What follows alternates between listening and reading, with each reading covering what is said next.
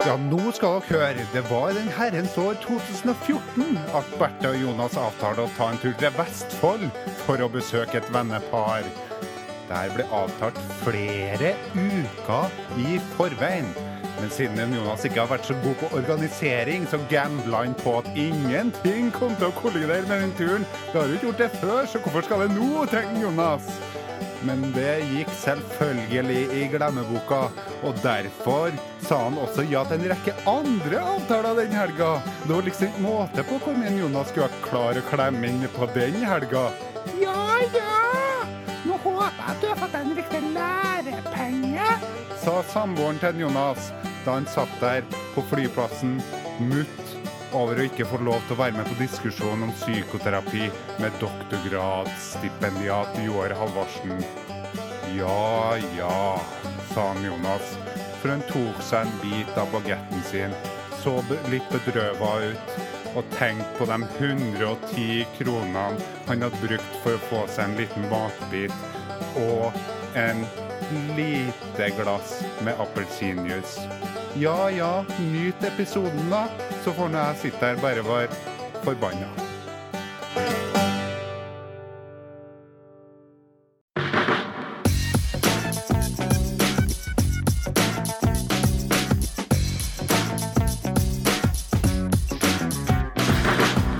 Du hører på Psykologlunsj, populærvitenskapelig lunsjprat med psykologene Tommy, Jonas og Jan Ole.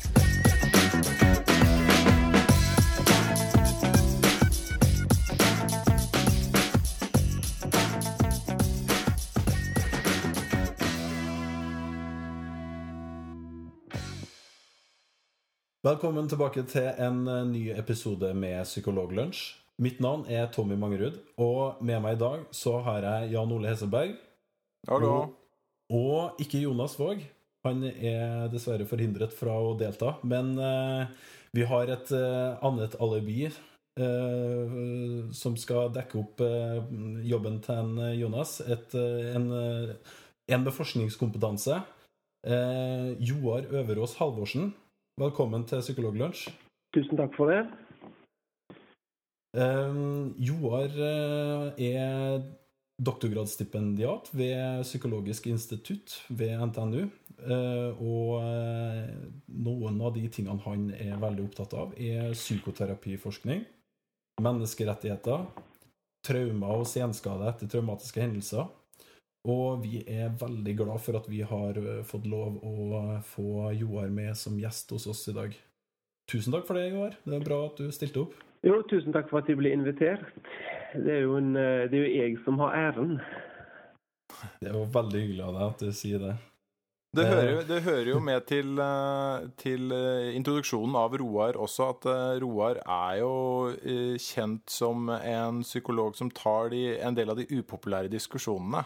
Ja, Som er stiller en del kritiske spørsmål rundt uh, faget vårt. Uh, Ja. Noe som eh, jeg liker veldig godt. Men jeg havna i noen diskusjoner da, med en del sånne Facebook-poster og sånn du har. Ja, For jeg har jo en psykolog hjemme òg, jeg, vet du. ja ikke sant? Jeg opplever meg ikke sjøl som veldig kritisk, da. Men jeg forstår at en del andre opplever meg som, som litt kritisk til eget fag. Men det tenker jeg jo er sunt. ja. Det tenker jeg òg absolutt. Du er jo eh, ja, en- altså, så du er jo en eh, person som av og til skriver noen sånne kronikker og uttaler seg litt med noen meninger i media. Og du er jo opptatt av, av vitenskap og sannhet og fakta og hva vi kan vite og hva vi ikke kan vite, har jeg forstått det som? Ja, absolutt. Det tenker jeg jo er på en måte særlig viktig innenfor årets fagfelt, da, som handler om eh, behandling av helserelaterte problemer. Så tenker jeg jo på en måte det perspektivet er særlig relevant. Mm. Men en av de tingene som jeg har fått med meg at du også har noen tanker om, det er jo det her med eh, helsefagene, altså medisin f.eks., har jo ganske sånne strenge eh, vurderingsinstanser før en ny eh, medisin får komme ut på markedet og sånt. Og, Mm. og en del av de kontrollorganene der, det har jo egentlig ikke i så stor grad når det gjelder eh, psykoterapi. Mm. Nei, altså jeg er jo personlig av den oppfatningen at eh, på en måte de myndighetsbestemte reguleringene av psykoterapiforskning er altfor dårlige. da. Ja. Uh, og så tenker jeg at det for så vidt både positive og negative sider med det. De positive sidene med det er at du slipper veldig mye av byråkratiet når du skal bedrive forskning.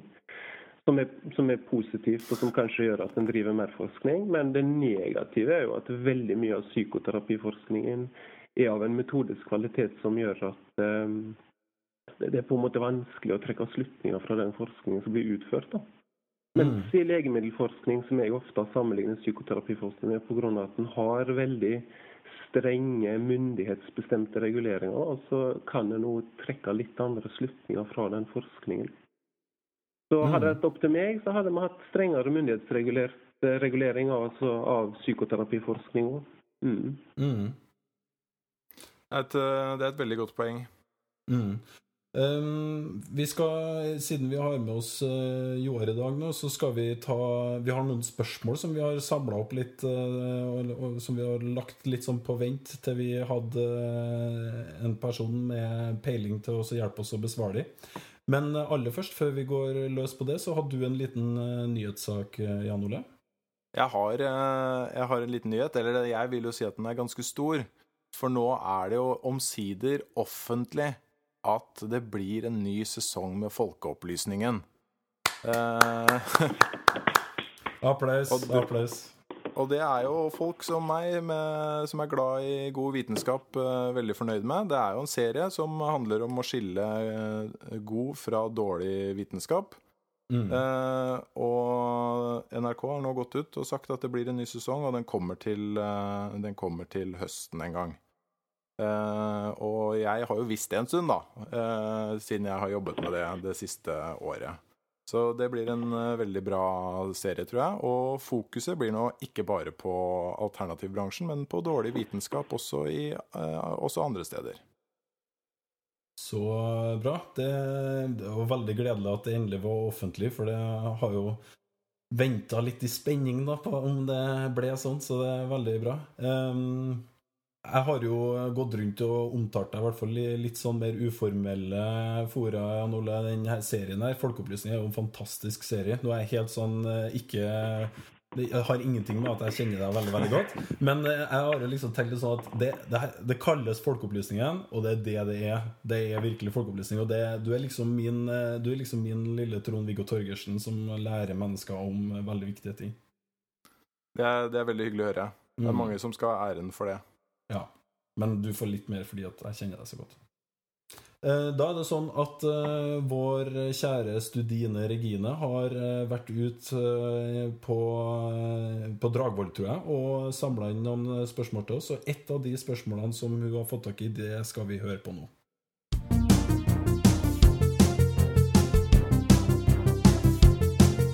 Studine Regine Regine Studine Hun er vår kvinnelige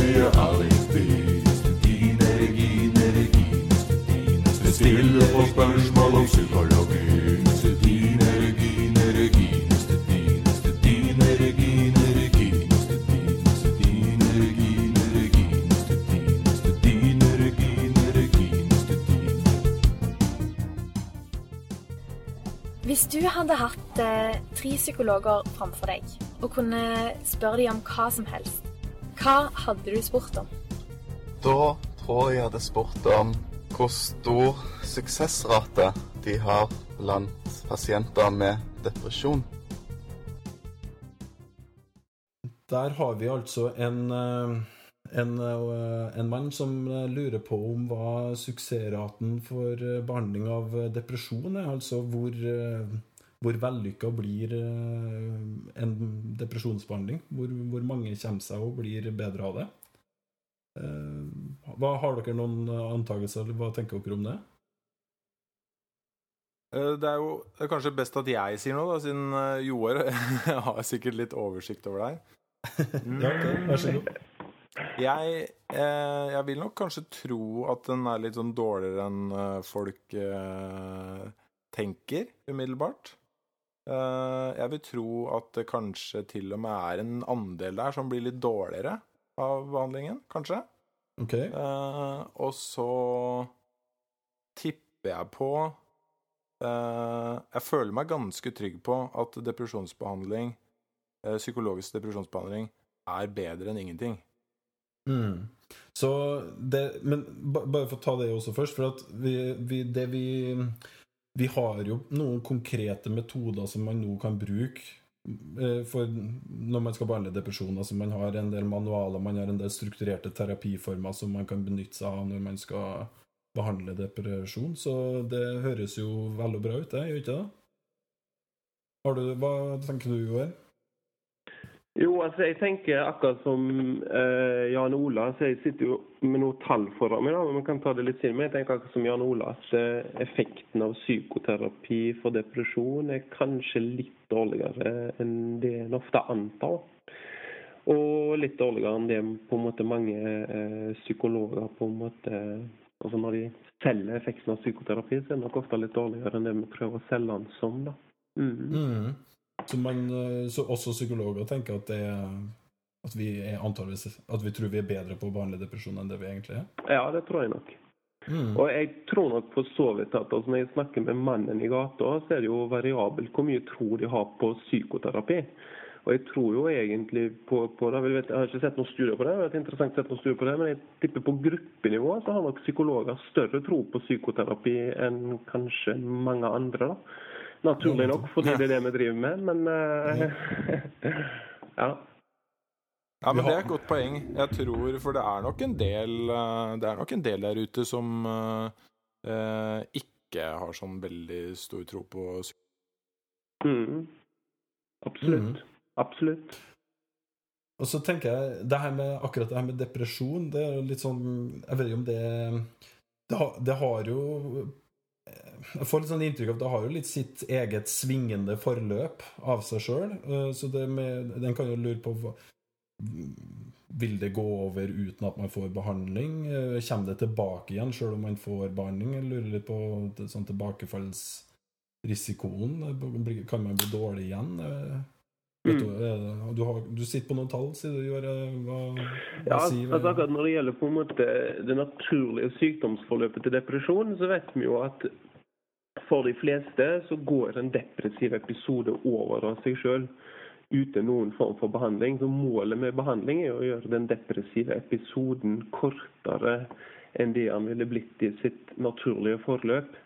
Mm. Uh, og så er du inne på noe helt sentralt, Thomas. Jeg tenker at Noe av det viktige med behandling og det vi vet om depresjon, er at det har et såkalt syklisk forløp. De depressive på en måte, episodene de kommer og går hos veldig mange. Og de pasientene som får tilbakefall til depresjon, de har enda større risiko for å få senere tilbakefall til depresjon. Da. Så noe av det vi kanskje kan oppnå med behandling, i tillegg til å gjøre den depressive episoden kortere, er jo å, å prøve å unngå at pasientene får tilbakefall til depresjon. Mm. Uh, og der, I forhold til forskning på det, så viser vel en del forskning Nå kjenner jeg ikke helt de eksakte tallene på, uh, i forbindelse med antidepressiv behandling, men jeg tror det er så mange som uh, en plass mellom 70 til 90% av de pasientene som på en måte slutter på antidepressiva, de får tilbakefall til mm. depresjon på et eller annet tidspunkt. da. Mm. Uh, og Derfor er det en del behandlingsanbefalinger på at en på en måte skal stå på antidepressiva ganske lenge, selv etter at på en måte den depressive episoden er over. Ikke sant? Mens mm. for psykoterapiforskning, den beste kunnskapen vi har om det der, så er det vel sånn at uh, blant de pasientene som responderer på psykologisk behandling for depresjon, altså at det blir bedre psykologisk behandling for depresjon, uh, to år etter at de på en måte er ferdig med behandlingen sin, så er det over 50% som har hatt tilbakefall eh, til depresjon. Da. Sånn at det er over én mm. av to av pasienter som initielt responderer på psykologisk behandling, som faktisk har tilbakefall i, innen to år. Ja. Hvordan er det sammenlignet med en, eh, en gruppe som ikke er under behandling, da? Jeg vil jo, det vil jeg tippe at de som ikke har vært i behandling, så er nok tilbakefallsraten betydelig høyere enn eh, litt over 50% Som sagt, så når jeg nevnte dette med antidepressiva, så har jeg ikke noe eksakte tall, men, jeg, men jeg, jeg, tror nok at det ligger en plass mellom 70 og 90% altså. Skyhøyt. Mm. ikke sant? Ja. Så det er, jo, det er, jo, bedre enn det. Og det vet vi jo. altså eh, Kognitiv atferdsterapi har like god effekt i behandling av depresjon som medisiner. Eh, på en måte i den initielle fasen, eller den, det vi kaller akuttfasen. Men det er på en måte psykologisk behandling eller kognitiv avfallsterapi skiller seg fra antidepressiva, det er jo på en måte langtidseffektene av behandling. Mm. Eh, og eh, det vi kaller avslutta CBT. altså Hvis vi avslutter psykologisk behandling etter at den depressive episoden er, er forsvunnet, og sammenligner de pasientene med pasienter som fortsatt, fortsetter å stå på antidepressiva, selv om depresjonen er gått ned, ikke sant, i henhold til behandlingsretningslinjer, så er det faktisk sånn at de som står, eller får gitt CBT, da, de har sannsynligvis bedre outcome eller utfall ett ett år etter endt behandling da, enn de som fremdeles får aktiv psykofarmakologisk behandling. Ja, nettopp. Mm. Og bare for, å, bare for å eh, understreke det for seerne, når du sier CBT, eller for lytterne, når du sier CBT, så er det kognitiv atferdsterapi Ja. eller kognitiv behavioral therapy. Ja. Mm. Mm. En ting som jeg sitter og lurer litt på eh, det, det er liksom hvorfor får man de her tilbakefallene? Altså En ting er det sykliske, som du sier, men så tenker jeg sånn det er jo det er mange terapiformer man anbefaler, sånne såkalte sånne booster sessions. altså sånne Mm. eh, eh, en sånn time noen måneder etter at du egentlig er ferdig, så et halvår etter, en sånn, så får du et par timer for å friske opp litt. Mm. Og det er litt sånn interessant hvis at nå, begynner vi, nå beveger vi oss litt ut på synsing der, og, spekulasjoner, men jeg tenker sånn ehm, Ofte så har man litt sånn inntrykk av måten mennesker tenker når de er deprimert, er ganske annerledes enn når man ikke er deprimert. Man er liksom vanskelig for å huske omtrent de gode, gode rådene som man fikk når man gikk i terapi. Når man eh, begynner å komme seg litt, så er det liksom vanskelig å huske på det når man blir dårligere igjen. Mm. At man nesten Ja. har litt noe sånne ja, sånn påfyll, da. Litt sånn tilskudd litt etter, etter en stund, kanskje. Mm. Ja, nå kjenner ikke jeg til noen forskning som på en måte viser definitivt at det å ha booster sessions, da, at det på en måte er forbundet med bedre utfall av Mm. behandling enn det å ikke ha det. Men, men det kan okay. jo være nærliggende å tenke det, da. Mm. Men når det gjelder hvorfor mennesker har tilbakefall til depresjon, så tenker jeg at det, det finnes det sikkert en del forskning, men der blir det mye spekulasjoner. Altså generelt så er det jo sånn at vi kjenner ikke sykdomsårsakene til psykiske lidelser generelt. Mm. Depresjon inklusive. Noen tror at depresjon har med for lite serotonin i hjernen å gjøre. Noen tror at det har med interpersonlige problemer å gjøre, og andre tror at det har med negative tankesett å gjøre. Men vi har jo ingen forskning som konklusivt på en måte viser hva som er de faktiske sykdomsårsakene med depresjon, eller noen annen psykisk lidelse for den del. da. Nei. Og vi vet, vi vet noe veldig generelt om det Ved noen lidelser så vet vi noe veldig generelt om det, og det er en sånn viss grad av arvelighet, eh, Mm. eksempel. Men vi, vi vet veldig lite om hvilke gener som styrer det, og vi, vi vet også veldig lite om hva slags type erfaringer som er med på å utløse en sånn iboende sårbarhet. Altså, det er jo det er jo egentlig utrolig hvor lite vi vet, men det er heller ikke så rart, da, fordi hjernen vår er jo ekstremt komplisert, Mm. og det som styrer atferden vår og tankene våre, det er jo ekstremt sammensatt. Mm. Mm. Absolutt. Absolutt. Ja, altså En kan jo velge eh, eh, altså på en måte hvordan en, en vil tolke eller se på det. På en måte så kan det være veldig negativ å si at vi kjenner ikke sykdomsårsakene til psykiske lidelser. Men det finnes jo veldig mange somatiske lidelser hvor vi fullt ut ikke har kartlagt sykdomsårsakene. Så det er jo ikke noe eksepsjonelt for psykiske lidelser. Og så er det jo dette med at det finnes jo ikke noe annet organ i menneskekroppen som er så komplisert som menneskehjernen. Eh, altså, det finnes ingenting, egentlig. altså på en måte Verken av eh, menneskelige organer eller tekniske duppeditter eller hva enn det skal være, som er så komplisert og sammensatt som den menneskelige hjernen. Mm. Eh, Så sett i lys av det, så er det på en måte det er ikke nødvendigvis et nederlag at vi ikke kjenner eksakte sykdomsmekanismene med psykiske lidelser. da. Men, men det som på en måte er ankepunktet mitt i forhold til det, det er jo at det er veldig mange som påberoper seg å vite sykdomsmekanismene. ikke sant? Ikke sant? Mm. Det er det noe. Jeg har bare lyst, å, bare lyst til å si til det at eh, man kan heller ikke forvente at man har den oversikten som du sier, eh, Joar. Uh, og i, for- I forbindelse med første sesong av Folkeopplysning så fikk jeg flere kommentarer på at uh, ja, men herregud, du er jo psykolog. Du, dere vet jo ikke engang uh, hvorfor vi blir syke, og eh, dere, diagnosene deres er ikke ekte diagnoser. Eh, og da var alltid responsen min ja, jeg, vet veldig godt det. Det er ikke noe stor overraskelse for meg, det. Jeg prøver ikke å late som heller. Eh, men dessverre så er det nok eh, en god del der ute som, eh, som eh, sier at de kan mye mer enn de eh, virkelig kan, da. Mm. Mm. Absolutt. Så for å oppsummere litt det svaret på spørsmålet, da, så kan vi anta at eh, For hva er suksessraten for depresjon? Så kan vi anta at uh, muligens så har psykologer kanskje større tro på, på terapi enn folk flest. Uh, Og når vi, uh, når vi behandler mennesker med depresjon, så har man en stor risiko for å få depresjon tilbake igjen. Eh, Både hvis man bruker medisiner og får psykoterapi, men eh, det ser ut til at eh, terapi er bedre enn ikke-terapi. da. Er det en OK og rund oppsummering? Ja, altså terapi er definitivt bedre enn ikke-terapi. Det tenker jeg er helt klart. Mm. Mm. Så kom deg til fastlegen din og be om en henvisning hvis du har en, eh, i hvert fall en, eh, en depresjon av et visst, et visst omfang og eh, med funksjonsnedsettelse. Mm. Ja, og ikke vent altfor lenge med det. Mm. Godt. Da fikk vi uh, kikka litt på det. Um, er dere klar for et spørsmål til? Jeg er klar.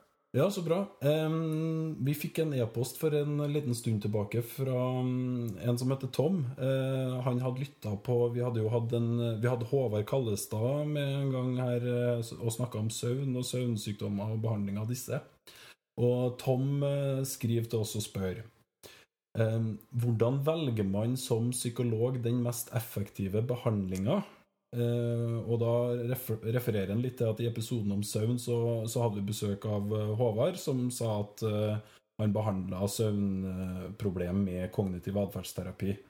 Og han funderte jo litt over om at hvis det er sånn at den metoden er bedre enn så mye annet, hvorfor er det ikke sånn at alle psykologer bruker den metoden? Eh, og det er jo litt sånn Her føler jeg vi er midt i smørøyet for deg, Joar. Hvorfor, hvorfor gjør ikke folk det som eh, Hvorfor gjør ikke terapeuter det som antas være er den beste metoden? da? Ja, hvis, hvis jeg hadde visst det, da eh, skulle jeg eh, skrevet ei bok og copyrighta det og tjent mye penger.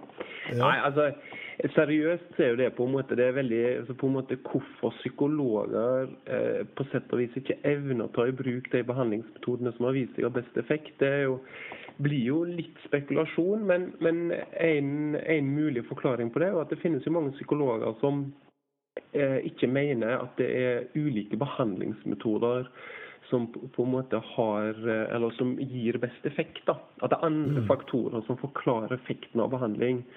Eh, allianse eller eh, ja, den type ting. da. Og, og eh, Hvis en mener det, som er et, eh, for så vidt et legitimt faglig standpunkt, så er det klart naturlig nok at en da ikke vil legge så mye vekt på metoder.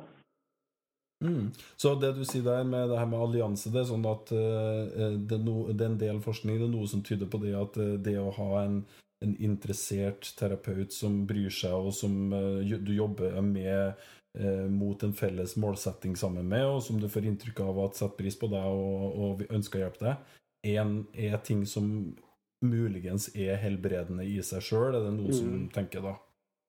Ja. Jan Ole?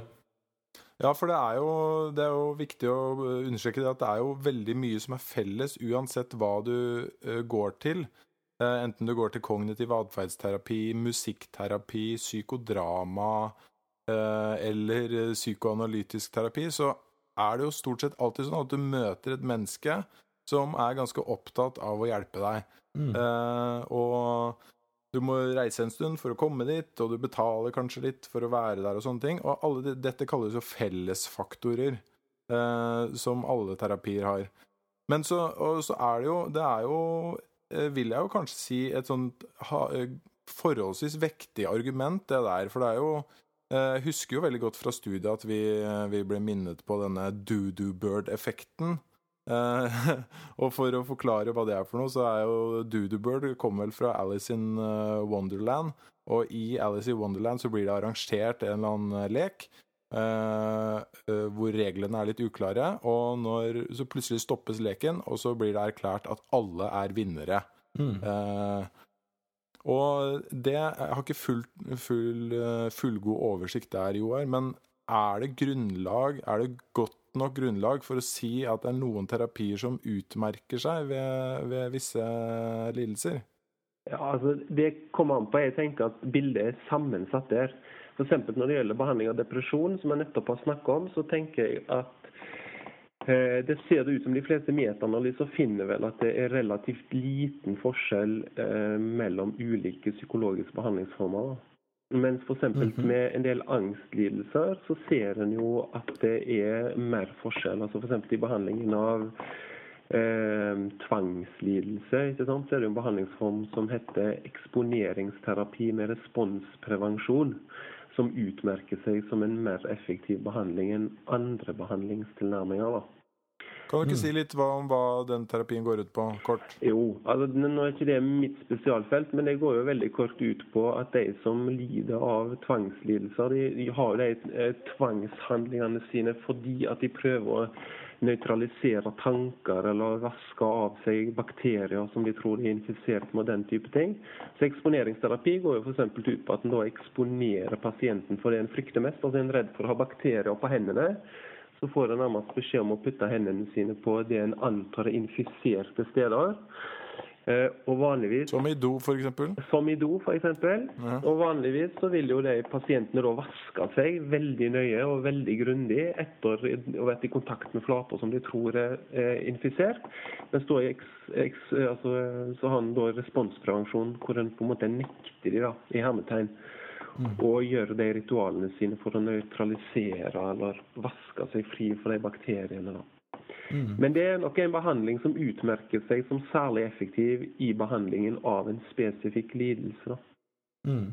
Og så kan du i tillegg da slenge på uh, de problemene Eller det, det, det, poenget som ofte blir tatt opp, at det, det er sjelden at man ser sånne eh, rene, enkle psykiske lidelser som bare har ett problem. At man gjerne har Hvis man har mye angst og har hatt det en god stund, så blir man ofte gjerne deprimert i tillegg. Og så, så har man på en måte mer enn bare én type problem, da. Og så er det fryktelig, fryktelig vanskelig å lage gode, kontrollerte studier på dette her. Mm. Man, trenger en, man, trenger en, god del mennesker, og så trenger man eh, mange forskjellige behandlingstyper for å undersøke det. Og så er det Det jeg tenker er et problem med en del psykoterapiforskning, er jo det faktum at man bruker behandlere som er trent veldig godt i en type behandling.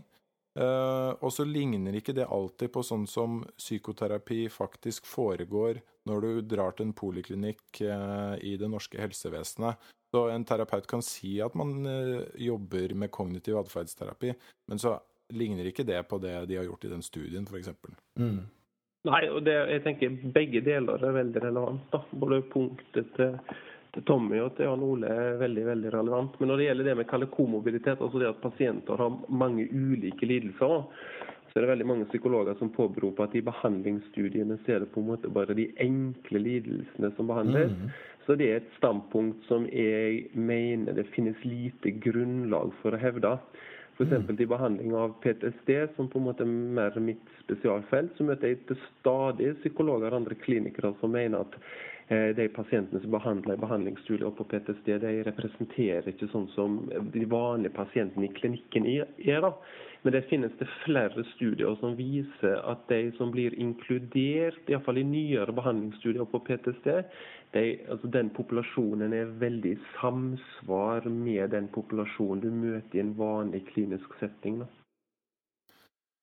Og akkurat det problemet der, det tror jeg faktisk er eh, kanskje større i legemiddelforskning.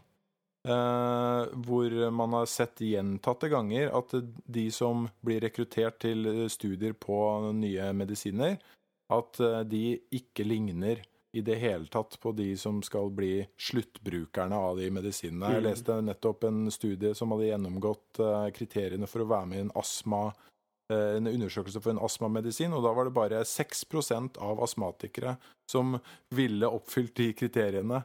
Og astma er tross alt en litt mer avgrensa diagnose enn det f.eks. PTSD er. Mm. Så, mm. så det er kanskje ikke problemet størst i vår bransje. Og det er litt sånn, Når du sier det, for det, det en, Et annet problem med de der medisinstudiene er jo også det at uh, vanlige, normale pasienter som man finner hos legen, går jo vanligvis ikke bare på én medisin. De går på mange medisiner. Og litt av det poenget er jo kanskje det som du var toucha innpå i stad når det gjelder terapi også, Jan Ole. For at du kan si at en terapeut kan si at han driver på med kognitiv terapi, men det ligner ikke på det som de superterapeutene som har trena seg til de studiene driver på med, som driver på med en rendyrka, manualisert, eh, veldig sånn kontrollert eh, terapiform.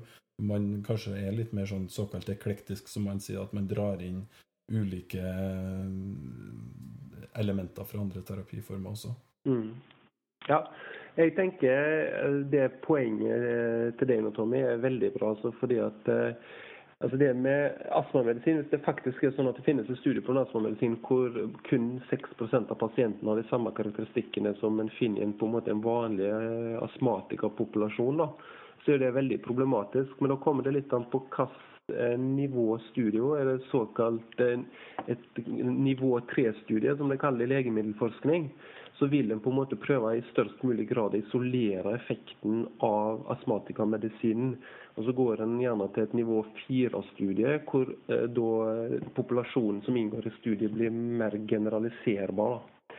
Mm. Men, men, det som definitivt er et problem med legemiddelstudier, det er det at det som skjer i en vanlig legehverdag, er jo at pasienter står på veldig mange ulike medisiner. Mens i legemiddelstudiene, for å isolere effekten, så gjør de som oftest ikke det. Så en kjenner rett og slett ikke til det vi kaller interaksjonseffekter da, mellom ulike vanlige legemidler som veldig mange pasienter står på. ikke sant?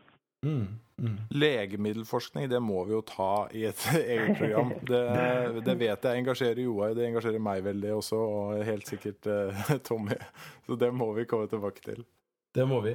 Så um, svaret på det her eh, spørsmålet, da, altså hvordan velger man uh, som psykolog den best, mest effektive behandlinga, det, det, det, er vanskelig å si. fordi det er ikke så lett å alltid å vite om uh, hvordan hvordan, hva, hva, vet man om hvilke Ja, Joar, Ja, bare fordi at På det vi kaller lederkonferansen i Psykologforeningen, så holdt hun Gerd Kvale, som er mm. professor i klinisk psykologi på Universitetet i Bergen, uh, har jobba mye med, med, tvangsbehandling. Hun holdt et innlegg om bruk av på en måte evidensbasert eller empirisk støtta behandling. Og hun mente og, og, da snakker du om tvang, da mener du uh, ikke sånn tvangslidelser som du snakka om i stad, men tvang Jo, jo, sånn tvangslidelser ja, okay. som jeg snakka i stad, okay. altså OCD, ikke sant? Obsessive okay. Eh, compulsive lidelse. ja. Mm.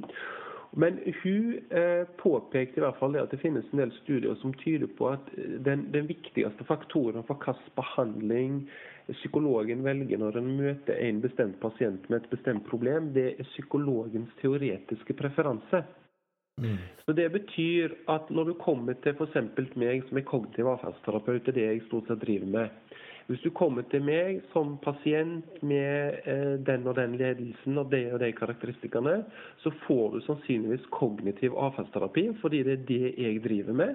Men om mm. den samme terapeuten går til en psykolog som driver på med psykodynamisk terapi, så får den pasienten sannsynligvis psykodynamisk terapi fordi at det er det den psykologen driver med. Ikke sant? Eh, så I så måte så er det jo egentlig relativt lite matching mellom lidelsen pasienten har og hvilken behandling pasienten får. ikke sant? Det som er styrende, det er hvilken teoretisk preferanse mm. på en måte fagpersonen har. da. Eh, og For å gjøre en dårlig analogi på det, så er det jo nesten som at en pasient med et hjerteproblem skulle komme til en lege som stort sett liker å medisinere astma, og derfor så får han medisin for astma. ikke sant? Fordi at det er det legen liker å foreskrive. Det, det er en dårlig analogi, men allikevel så er det noe av det samme. da. Ja, og det er jo ganske hårreisende Jeg tenker at det er ja, litt hårreisende i alle fall at uh, det er sånn. Mm. Fordi uh, mitt inntrykk er nok at uh, en del psykologer er ganske dårlige på å følge med hva som, hva som, skjer i psykologisk forskning. Og det har jo faktisk skjedd en god del de siste ti årene siden vi gikk ut, Tommy. og og det, er når, det finnes jo steder hvor man faktisk gjør god forskning, og hvis du går inn på f.eks. Cochrane-databasen, så er det jo en god del eh, studier, eh, sånne store systematiske gjennomganger som, som, ligger der, og som ser på all tilgjengelig forskning. Eh, og det er vi nok litt for dårlige til å benytte oss av, altså. Mm. Og det, det, var litt det jeg tenkte jeg skulle ta, ta, ta fram, og, Jan Olof, bare så folk ikke får inntrykk av at det er fullstendig anarki og bare fritt vilt for alt. Så, så finnes det måter man kan opp, plasser man kan oppsøke, sånn at man får en oversikt over de i hvert fall per dags dato mest anbefalte metodene. Sånn som Cochrane og sånn som Nice Guidelines og Helsedirektoratet har jo sine anbefalinger og retningslinjer også. Ja, altså du har jo både Helsebiblioteket er, jo tilgjengelig for alle helsepersonell, og også for uh, folk ellers. og du, Folkehelseinstituttet har en god del informasjon ute. Og så gis det ut veiledere, da. Uh, sånne offentlige veiledere for, uh, for, hvordan man skal behandle forskjellige lidelser. Og Man kan si mye om de, men det er tross alt hvert fall et forsøk på å systematisere kunnskapen og gi gode anbefalinger. Um, jeg lurte på eh, om uh, hvis, vi kan, hvis, vi runder litt av det temaet her nå, så lurer jeg på sånn, Med det i minne, det du sier her, Janne Ola, på slutten her, så lurte jeg på Siden vi har Joar her som, som, vi vet er veldig opptatt av PTSD, så tenkte jeg bare å høre litt om hvordan det er med PTSD-feltet og, og behandling. Hva, hva bør man gjøre når en person Altså PTSD, for de som ikke klarer over det, det er posttraumatisk stresslidelse. Altså det er mennesker som har vært utsatt for en traumatisk hendelse, og som får en del plager i etterkant. Eh, og det er jo ikke sånn at alle som blir utsatt for noe traumatisk, får den lidelsen i etterkant, men noen får det. Eh, og da liksom bare nysgjerrig på sånn, hva, hva, hva skal man gjøre når mennesker blir havner i en vanskelig og traumatisk eh, situasjon hvor man opplever noe skikkelig uventa og fælt? Er det noe sånn er det noen tips om hva man bør gjøre eller ikke bør gjøre? Ja, Det kommer vel litt an på hvem du spør, hvilke råd du får. da. Og så er det jo et spørsmål er du, altså hvilken relasjon har du til den personen eller er personen som er utsatt for noe traumatisk. da. Jeg tenker, Er du, mm. er du fagperson, som, som er, så tenker jeg at du initielt etter at et menneske opplever en traumatisk hendelse, så skal en ha en litt sånn eh, avventende En kan gjerne oppsøke det, men allikevel en litt sånn avventende rolle i forhold til det å starte behandling. da. Fordi at det er sånn som du sier, Tommy, at for de aller, aller fleste så eh, går symptomene eh, på PTSD over av seg sjøl over tid. Eh, når det gjelder f.eks. voldtektsofre, vi vet at voldtekt er den ene traumatiske hendelsen som har størst risiko for mm. utvikling av PTSD. Men når vi ser på sånne studier som har fulgt opp pasienter rett etter en voldtekt, så vet vi at eh, en uke etter voldtekten så er det tilnærmet 100% som har så mye symptomer at de tilfredsstiller kriteriene til en PTSD-diagnose. Men uten noen form for intervensjon over en tre måneders periode etter den traumatiske hendelsen, så synker da det, det vi kaller den prevalensraten ned til under 50% Så Det er rundt en 50% som, som blir eh, ja, mer eller mindre friske uten noen form for spesifikk intervensjon, da, selv etter noe så traumatisk som en voldtekt. Mm. Ja.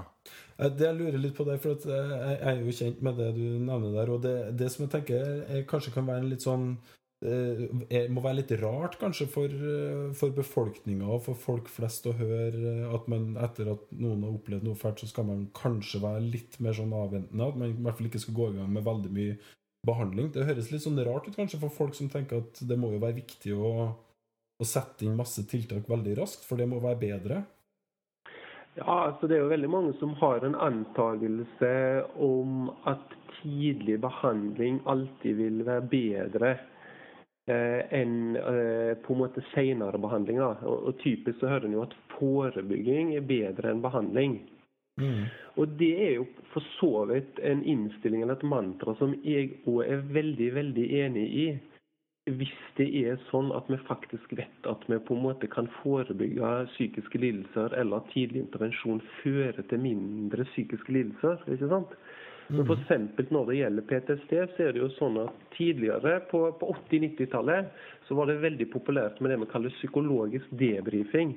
Mm. Altså at mennesker som hadde opplevd noe traumatisk, de skulle så raskt som mulig etter den traumatiske hendelsen, så skulle de møte en fagperson, fortrinnsvis en psykolog, hvor de skulle fortelle om den traumatiske hendelsen i detalj, og gjerne med vekt på følelser og den type ting. Det vi vet om den, og Da antok en jo at det på en måte hadde veldig god effekt. Sant? At det hadde noe for seg. Det vi vet i dag, mm. er jo at for de aller, aller fleste så har ikke det noe å si for utvikling av sykdom eller ei. Altså det har ikke noe effekt. Og for et eh, lite mindretall så fører det til at de faktisk blir verre. ikke sant? Psykologisk behandling eller psykologisk intervensjon kan i noen tilfeller på en måte ha skadelige bivirkninger. og Det kan gjøre vondt verre. Mm. Og Det ser vi nå. Det er nettopp publisert et stort studie i England. Det som er inne i Norge i dag, det er jo dette med forebygging av depresjon. Og Det er mange som begynner å snakke om at en skal forebygge depresjon med å gi undervisning eh, på skolene ikke sant, i psykisk helse. Stor, randomisert, kontrollert studie i Storbritannia hvor de ga såkalt klasseromsbasert kognitiv atferdsterapi. Altså at de ga elevene opplæring da, i modellene bak kognitiv atferdsterapi, som er en effektiv behandling for depresjon. ikke sant? Og Dette ble gitt til alle elevene, uavhengig av symptomnivå. Det en fant i det studiet, der, var at dette har stort sett ingen effekt. Eh, hvis det har noen effekt, så har det den effekten at det gjør de elevene mer altså Det gjør depresjonsraten i denne populasjonen større enn uten den intervensjonen. Ikke sant? Yes. Jeg er veldig enig i mantraet om at forebygging er bedre enn på en måte sen behandling, men det er jo med forbeholdet om at vi vet at forebygging faktisk på en måte er til det bedre, og ikke til det verre. Mm. Veldig viktig poeng. Jeg tror, eh, jeg tror det du si, sa der, det kan nok oppfattes som provoserende på veldig mange. Eh, men sånn er det veldig ofte, at eh, kunnskap eller viten er ikke nødvendigvis alltid så veldig Samsvarer ikke alltid med det man mener fra før av. Så derfor ender det opp med å bli litt sånn provoserende. Men det er jo veldig viktig at folk orienterer seg om disse tingene. Ja. Mm. Og jeg tenker eh, her, Når vi snakka i stad om det her med medisiner og hvor mye kvalitetskontroll som skal på det før de kommer ut på markedet, så vet vi jo veldig lite om de her bivirkningene. Og akkurat det her med sånn der eh, debrifing er jo kanskje en av de virkelig få tingene vi faktisk med ganske stor sikkerhet kan si at er en dårlig idé.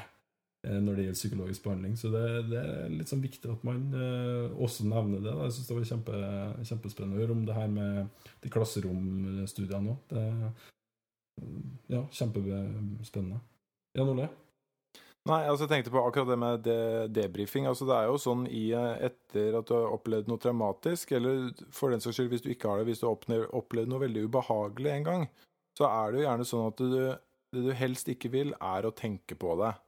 Eh, du blir litt sånn Kan få veldig ubehagelige tenke, følelser av å tenke på den tingen.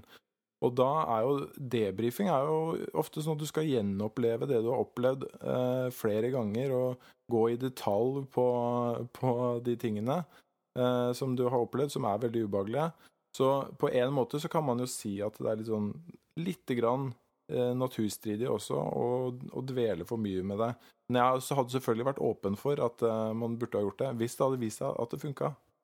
Jeg tror, jeg tror, lurer på om ikke litt av nøkkelen i det er jo det at uh, mennesker som har vært uh, havna i sånne vanskelige situasjoner, i hvert fall uh, tra traumatiske hendelser, de trenger trygghet og ivaretakelse og familie og venner og folk som man vet bryr seg, og som Uh, som, og man får kanskje lov å prate om det som har hendt i sitt tempo med mennesker man kjenner godt.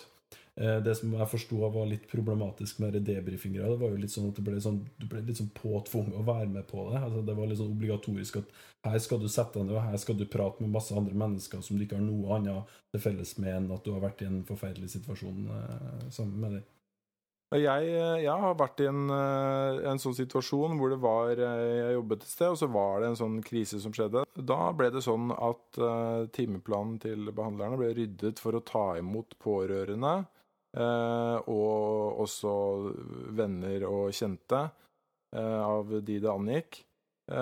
og da fant jeg meg selv i en situasjon hvor jeg bare en dag etter at dette hadde skjedd, satt i eh, behandlingsrommet med en person som var veldig nært tilknyttet denne hendelsen. Eh, og det Jeg tror Jeg tror faktisk at ingen av oss ønsket å være der. Hun sa at hun ikke ønsket å være der. Eh, og det føltes veldig rart for meg å måtte tilby henne Jeg visste jo ikke hva jeg skulle si. Jeg kunne ikke si noe i den situasjonen som gjorde henne bedre. Og eh, det er jo helt naturlig at hun ønsker å være sammen med sine nærmeste, og ikke sammen med en ukjent psykolog som hun aldri har møtt før, og som bare er der i en time eller to. Mm. Men som, som, alle sammen tenker at det er en god idé at skal, du skal prate med? Ja, og jeg tror jo helsevesenet gjør det også litt av frykten for en potensiell VG-forside, ikke sant? Uh, uh, at man, man, ønsker å tilby noe. Det er vel, absolutt velmenende. Og, og, man gjør det også litt av frykt for å, å bli kritisert for noe etterpå. Men jeg tror det er på en måte viktig å presisere her altså for, for lytteren, altså, som ikke er fagperson. at Hvis en kjenner noen som har opplevd noe traumatisk, så må en ikke forstå den diskusjonen vi har nå dertil at en på en måte eh, skal holde seg unna. ikke sant? At en på en måte skal mm. trekke seg tilbake. eller fordi at Jeg tenker at det er veldig viktig at de som er venner eller eh, venner eller familie til noen som opplever noe traumatisk, faktisk er til stede Mm. Eh, og spør da den personen hva den personen ønsker. Det må ikke sånn at en, en, en, på en måte gjør noe som den ikke ønsker, men iallfall at den er tilgjengelig, at den er til stede mm. og tilbyr hjelp og støtte. da, um, På den måten som den personen som er utsatt, vil ha hjelp og støtte. Mm. Men, men, det vi snakker om, det er jo om helsevesenet, om profesjonelle, ikke sant? Mm. Skal på en måte intervenere. da. Og det på en mm. måte det er, det er to ulike sider i, i, mm. i, på en måte en og samme sak. da. Mm. Ja, veldig viktig poeng. For det er jo litt sånn som uh, mange snakker jo altså det, det, er en sånn vanlig ting som veldig mange snakker om når det har skjedd et eller annet, det er jo det at folk rundt forandrer seg. sant?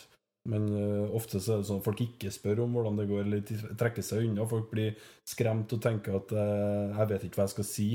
Så det er et godt poeng det du sier, at sånn, altså, mm spør i stedet er det noe jeg kan gjøre for deg som venn eller pårørende. Hva vil du, mm. skal jeg gjøre noe for deg? Av og til så kan det være litt sånn praktiske ting kan mm. være en, eh, en bra ting òg. Så trenger du skyss til skolen i den nærmeste mm. tida, eller hva det nå er. Altså, vær en støtte og ja, spør. Ja, nå, og hvis Og hvis det er sånn at du er i den situasjonen selv og, og kjenner at du eh, er i behov for hjelp, så er det jo ingen grunn til å la være å ta det opp eh, med fastlegen eh, din. Overhodet mm. ikke. Det, det, tenker jeg også, sånn som den pasienten du nevnte, Jan Ole, som du hadde møtt. Så tenker jeg Hadde den pasienten mm. sjøl ønska å snakke med en profesjonell, så tenker jeg i utgangspunktet at det ikke er noe i veien for det. Jeg tenker at En skal være forsiktig med å gjøre en, på en måte en strukturert intervensjon.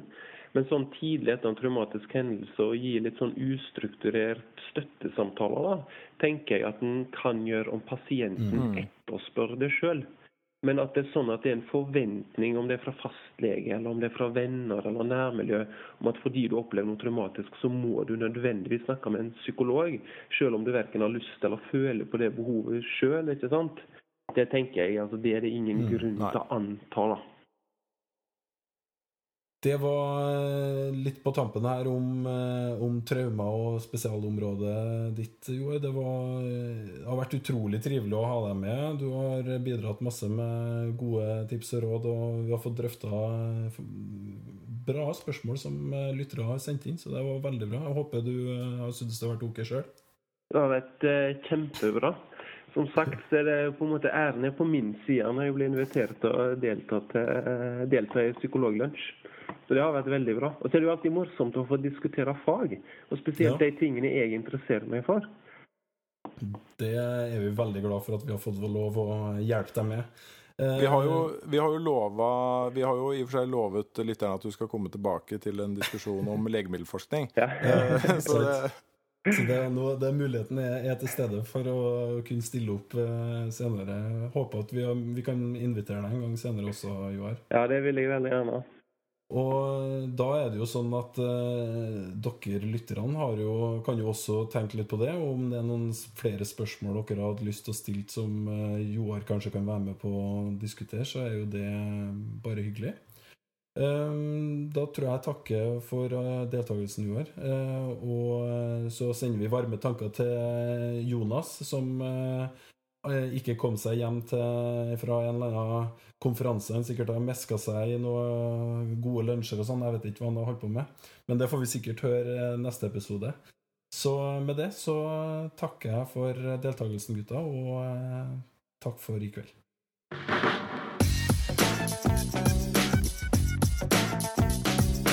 Du har hørt på Psykologlunsj.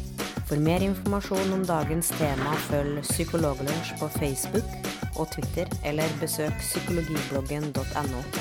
Spørsmål sendes til psykologlunsj at gmail.com.